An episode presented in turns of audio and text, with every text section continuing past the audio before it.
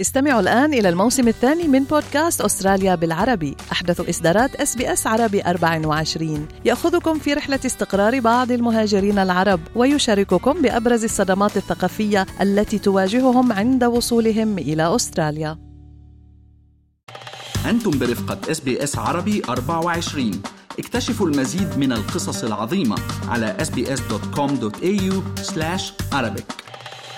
ازداد الجدل مؤخرا حول مصير وكالة الأمم المتحدة لإغاثة وتشغيل اللاجئين الفلسطينيين الأونروا بعد اتهام بعض أعضائها العاملين في غزة بانتمائهم لحركتي حماس والجهاد الإسلامي مما يهدد بقائها فهل أصبح مصيرها في مهب الريح؟ في التقرير التالي نسلط الضوء على الأونروا عن تأسيسها وأهدافها وخدماتها والجدل الدائر حولها تأسست الأونروا عقب حرب عام 1948 بموجب قرار رقم 302 الصادر عن الجمعية العامة للأمم المتحدة في الثامن من كانون الأول من عام 1949 بهدف تقديم برامج إغاثة مباشرة وتشغيل للاجئي فلسطين.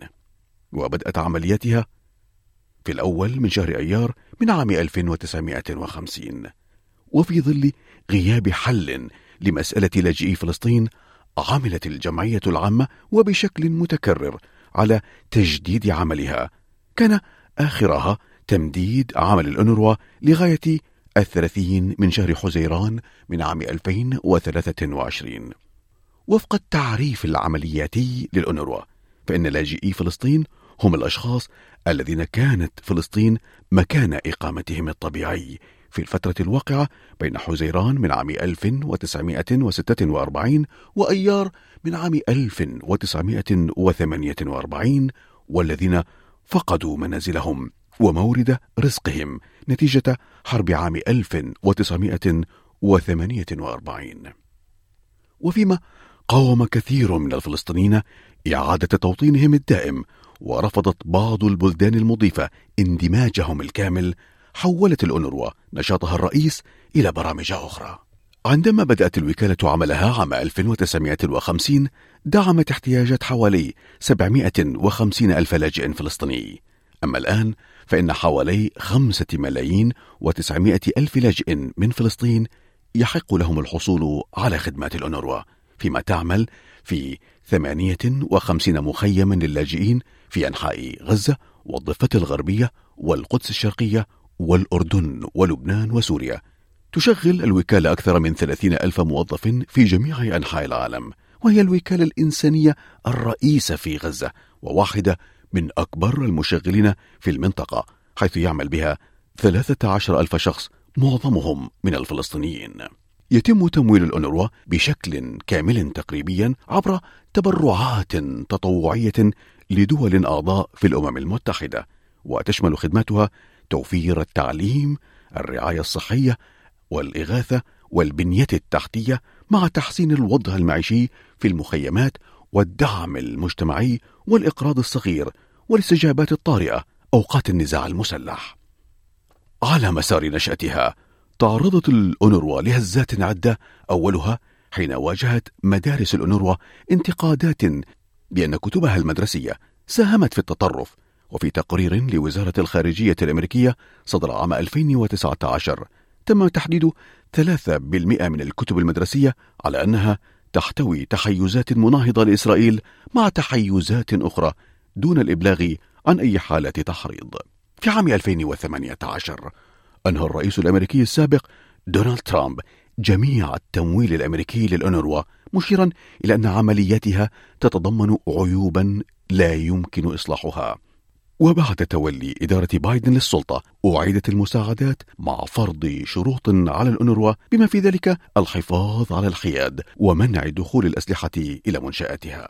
ولكن كيف تصاعدت الأحداث؟ حتى أصبح مصير الوكالة مهدد بالإلغاء. بعد احتدام الصراع في غزة إثر أحداث السابعة من تشرين الأول عام 2023 بين حركة حماس وإسرائيل أطلقت إسرائيل دعوة من ست صفحات أن بعض موظفي الأونروا ومن بينهم مدرسون هم أعضاء في حركة حماس أو الجهاد الإسلامي. فيما قالت إسرائيل أن 12 موظفا من الأونروا شاركوا في هجمات حماس التي أدت بحسب الإحصاءات الإسرائيلية إلى مقتل 1200 شخص وردت إسرائيل على ذلك بهجمات متواصلة تقول السلطات في غزة إنها أودت حتى الآن بحياة ما يزيد على 27 ألف فلسطيني. قال فيليب لازاريني المفوض العام للأونروا إنه تم إنهاء خدمات هؤلاء الأشخاص وأن الوكالة ستبدأ تحقيقا في الادعاءات ضدهم.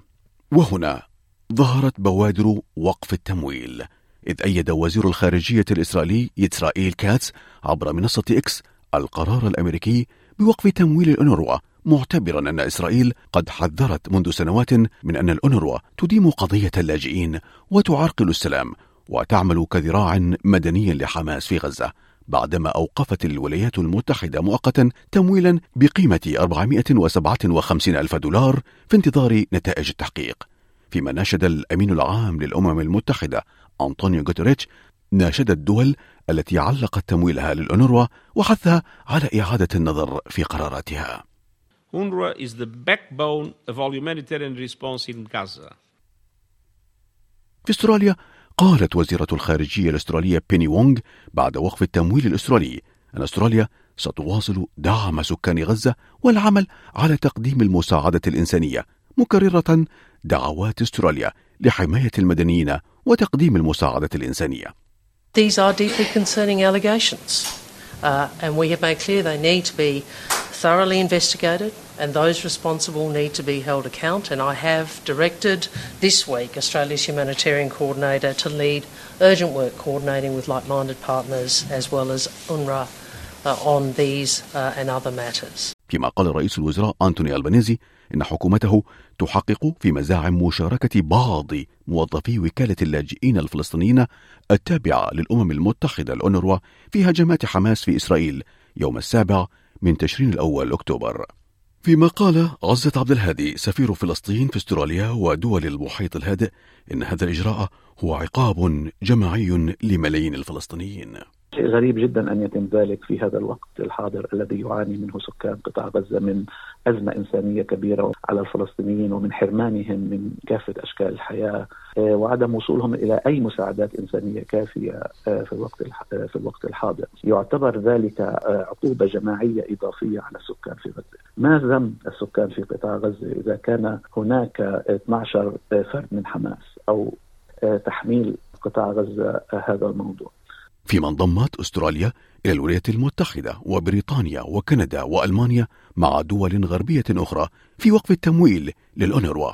عربيا اعتبر نائب رئيس الوزراء الأردني وزير الخارجية أيمن الصفدي عبر منصة إكس أن الأونروا هي شريان الحياة لأكثر من مليوني فلسطيني يواجهون المجاعة في غزة.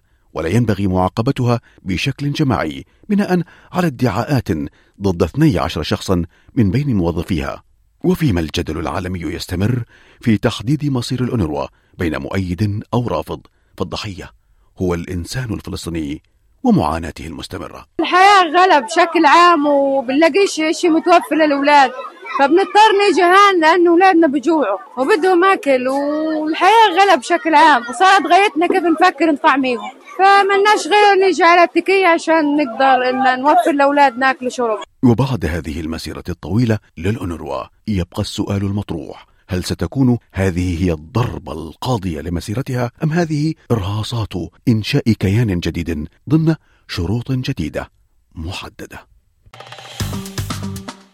اضغطوا على ال like أو على ال share أو اكتبوا تعليقا. تابعوا اس عربي 24 على الفيسبوك.